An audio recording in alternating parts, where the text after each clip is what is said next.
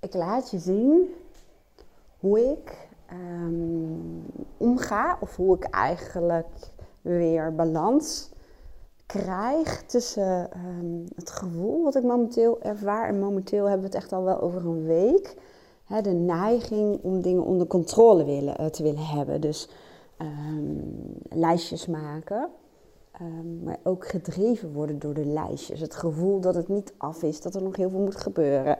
En dat er te weinig tijd is. En, en met name ook dat er nog zoveel niet af is. En, en, en dat geeft een soort van haastig uh, gevoel. Het gevoel van ik red het allemaal niet. En het geeft het gevoel uh, ja, dat je heel erg in je hoofd zit. En dat er een zekere onrust is. En misschien herken je dat dan wel. En je zou dan denken van, uh, nou dan ga je die, uh, die, die kant die graag die lijstjes maakt, hè, misschien is het wel uh, de controleur, hè, de controlekant, die ga je als het ware bevragen. Hè. Dat kan dus door bijvoorbeeld te gaan schrijven, zoals je wellicht geleerd hebt in de Voice Dialogue um, module. dat kan ook zijn door letterlijk en figuurlijk hardop met dat deel in gesprek te gaan. Um, en dan achterhaal je wat de functie van dat deel is. En dat is het gave en het transformerende. Want je denkt, als je het beschouwend gaat doen, als je gaat denken van ja, die kant uh, die, die lijstjes maakt en, en die dingen onder controle wil hebben, ja, die wil gewoon overzicht en die wil gewoon dat dingen afkomen en jou een rustig gevoel geven in je hoofd of zo. Hè? Maar dat is wat je zou denken dat deze kant zou willen. Maar, en dat heb je waarschijnlijk al wel ervaren als je een voice dialogue hebt gedaan bij mij, of als je echt serieus bezig bent geweest met de voice dialogue uh, course, dat het heel vaak iets heel anders is, iets veel diepers. En bij mij is het in dit geval dat ik getriggerd ben meerdere keren door een serie en een film wat heel erg ging over de dood. De dood van baby's en, en, en vrouwen. En nou, heel veel dingen. Toevallig heb ik um, ja, meerdere dingen. Zoals we hebben de documentaire van Schumacher gezien. Nou, die krijgt natuurlijk een ski-ongeluk. En dat gezin vertelt daarover. Nou, ik heb dus een, een serie gezien waarin babytjes werden geofferd. Echt heel erg. En um, dat triggert iets in mij. En dat is angst. Dat is, dat is, ik heb vroeger echt een angststoornis gehad. Um, dat triggert toch de angst dat, um, ja, dat, de, dat er mensen om me heen gaan overlijden. Uh, of dat ik ga overlijden. Of nou ja, dat er erge dingen gebeuren. En dan zou je denken, hé, hey, dan komt angst heel erg naar de voorgrond. Ja, dat zou je denken. Maar vroeger zou dat het geval zijn geweest. Maar die transformatie heb ik al doorgemaakt. Maar wat er nu gebeurde, is dus dat mijn innerlijke controleur, die kwam naar voren.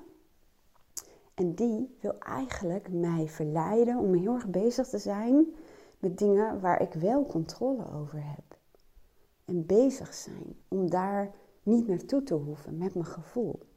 Dus zie je hoe als je echt hiermee bezig gaat. Hè? Dus als je echt even ruimte geeft voor dat deel van jou, wat is dat aan het doen? Waar zorgt het voor? Dat er dingen uitkomen die je niet kan bedenken als je erover nadenkt wat het mogelijk zou kunnen zijn. Je moet bij wijze van spreken echt even in het perspectief van die kant komen. Nou, dat, daar zijn ook hulpmiddelen voor in, uh, in de Voice dus dat kun je gewoon doen. Nou, en dan moet je altijd, ik zeg dat als je hier aan begint, zorg dan dat je in elk geval de tijd hebt, of de tijd neemt, of hoe je het ook uh, zou willen zeggen, om ook naar een kant te gaan, of misschien wel meerdere kanten, die jou juist helpen om, uh, nou ja, om weer evenwicht te krijgen. En ook dat is grappig, hè? want we denken heel vaak van, oké, als we naar controle kijken, dan gaan we naar de andere kant van controle, dus de tegenovergestelde kant. En in mijn geval is dat bijvoorbeeld mijn losse, relaxte, zorgeloze kant. Die ga ik zeker uh, inzetten. Maar wat ik ook vaak doe, ik maak ook bruggetjes. En met bruggetjes bedoel ik, um, ik ga ook kijken naar kanten die behulpzaam kunnen zijn bij het losser en relaxter worden. En in mijn geval is dat bijvoorbeeld humor. Of, en daar heb ik al vaker uh, het over gehad, mijn scheidkant. En die klinkt een beetje Sommige uh, mensen noemen hem ook wel hun fuck-it-kant. Fuck it. Nee, er is zelfs een boek over geschreven. Maar het betekent e-, eigenlijk, het is een beetje een e-, extreme kant die zegt, ach scheid, ach boeien, hè, maakt allemaal niet uit. En dat kan voor lucht zorgen. En dat betekent niet dat je alleen maar moet doen wat die kant uh, zou willen, want dan, dan sla je door naar de andere kant. Maar die brengt wel wat luchtigheid erin. Plus in mijn case, zullen we maar zeggen, kan je ook nog aan de slag met vertrouwen. Nou, ik geef even een, eh, een, een soort uh, preview hiervan. Um, ik weet ook op het moment dat ik het voor jullie opneem, is het altijd even net even wat anders, omdat ik dan niet helemaal in die kant terechtkom. Ja, soms doe ik dit bij mezelf zonder dat ik het uh, opneem voor jullie. Want dan kan ik echt even helemaal in het perspectief van die delen komen, hè, van die kanten. Um, op het moment dat ik weet dat ik het voor jullie opneem, dan is eigenlijk altijd mijn innerlijke beschermer beheerser, zo heet dat, een kant. Daar heb ik alles over verteld in die course. Die is ook bij betrokken en vaak ook mijn innerlijke criticus, die ook een beetje op gaat letten van hoe gaat dit overkomen. Dus dan kom ik niet helemaal de diepte in. Ik kan het wel aardig goed, maar dat is gewoon zoals het is. Dus als ik dan nu kijk naar uh, die controlekant, hè, die heb ik al uh, bevraagd. En die heeft eigenlijk aangegeven uh, dat hij wil voorkomen dat ik helemaal vast kom te zitten in mijn angst en verdriet. En, en dat ik daardoor eigenlijk lam geslagen word. Of hè, angst kan heel erg verlammend werken.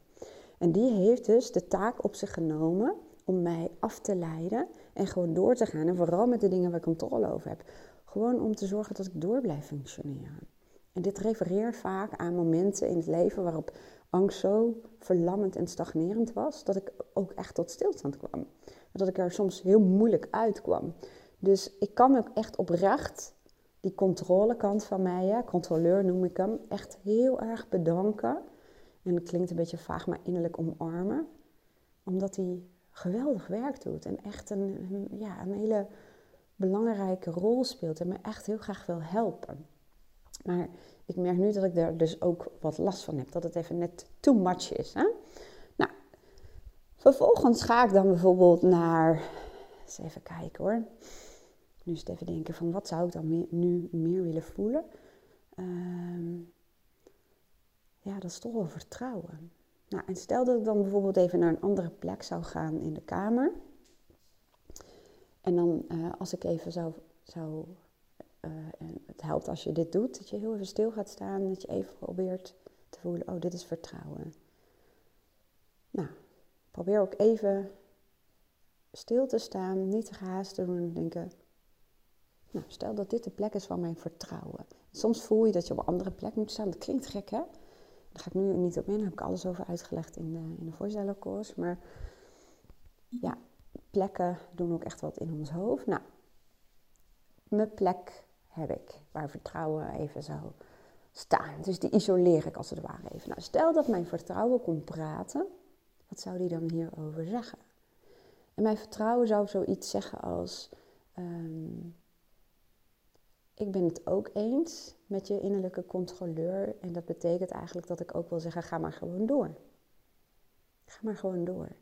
Er is niet zoiets als controle. En um, angst die getriggerd is, laat jou alleen maar zien dat het belangrijk voor je is om tijd, oprechte tijd en aandacht te hebben voor, of tijd door te brengen met de mensen waar je van houdt. En het laat jou zien dat gezondheid voor jezelf, maar ook voor uh, je dochter en je vriend en je stiefzoon en je familie heel belangrijk is. En dat jij nog gezonder mag gaan leven. Omdat je even weer op de feit werd gedrukt dat gezondheid ook niet per se vanzelfsprekend is. En dat je dus nog beter mag zorgen voor je lichaam. Dat betekent blijven wandelen, maar ga bewerkte suiker verminderen. Weet dat dat allemaal top is en dat als, je dat dagelijks te veel eet, dat dat, ja, dat gewoon niet goed is voor je lichaam. Dus ik ben jouw vertrouwen en ik wil alleen maar zeggen dat de angst um, laat jou iets zien en die helpt jou erbij om uh, bewuster te gaan leven. En om echt te zorgen dat je je agenda gebruikt voor het prioriteren van de dingen die belangrijk voor je zijn. En niet het prioriteren van je actielijstje. Ik ben vertrouwen en ik zeg het komt wel goed. Heb ook vertrouwen in jezelf, in je eigen gezondheid, in je eigen innerlijke wijsheid en begeleiding. Ehm, ga veel doen weer met de wet van de aantrekkingskracht. Zet intenties. En vertrouw ook in de mensen om je heen. Aaron, Lisa, Luca, je familie. Dat zij in staat zijn om voor zichzelf te zorgen. Het is gewoon belangrijk dat je geconnect bent met je intuïtie en met mij, je vertrouwen. En dan zul je merken dat er ook weer meer innerlijke rust komt. Nou, ik loop nu even weg, even weer van die plek. Nou, dit, dit, dit lees ik, of dit vertel ik, lees het niet voor, ik vertel het hardop. Dit ontstaat gewoon. Maar ik doe dit natuurlijk nog steeds met de wetenschap dat ik dit voor jou opneem. Hè? Dus dit komt niet zo diep, maar het helpt. Ik merkte wel door hardop te praten, en dat zou ik je zeker aanraden, wat ik nu ook doe met mijn telefoon. En waarom hardop praten, waarom niet in je hoofd? In je hoofd uh, gaan heel veel andere kanten zich ermee moeien. Dan wordt het een beetje diffuus. En als je het hardop uitspreekt, is er een verhoogde bewustzijn. Dan, je hoort jezelf ook praten. En dan, ja, dan, dan, dan, uh, ja, dan verankert het ook meer. En ik luister het bijna nooit terug. Maar dat mag wel. Dat kan, oh, soms kan het juist lekker zijn om het even na te luisteren. Dus ik zou je van harte aanbevelen om dat te doen zoals ik dat net deed. Uh, maar je kunt het ook met schrijven doen. Ik wissel eigenlijk uh, af. Maar dit is voor mij ook vaak het makkelijkst om tussendoor te doen.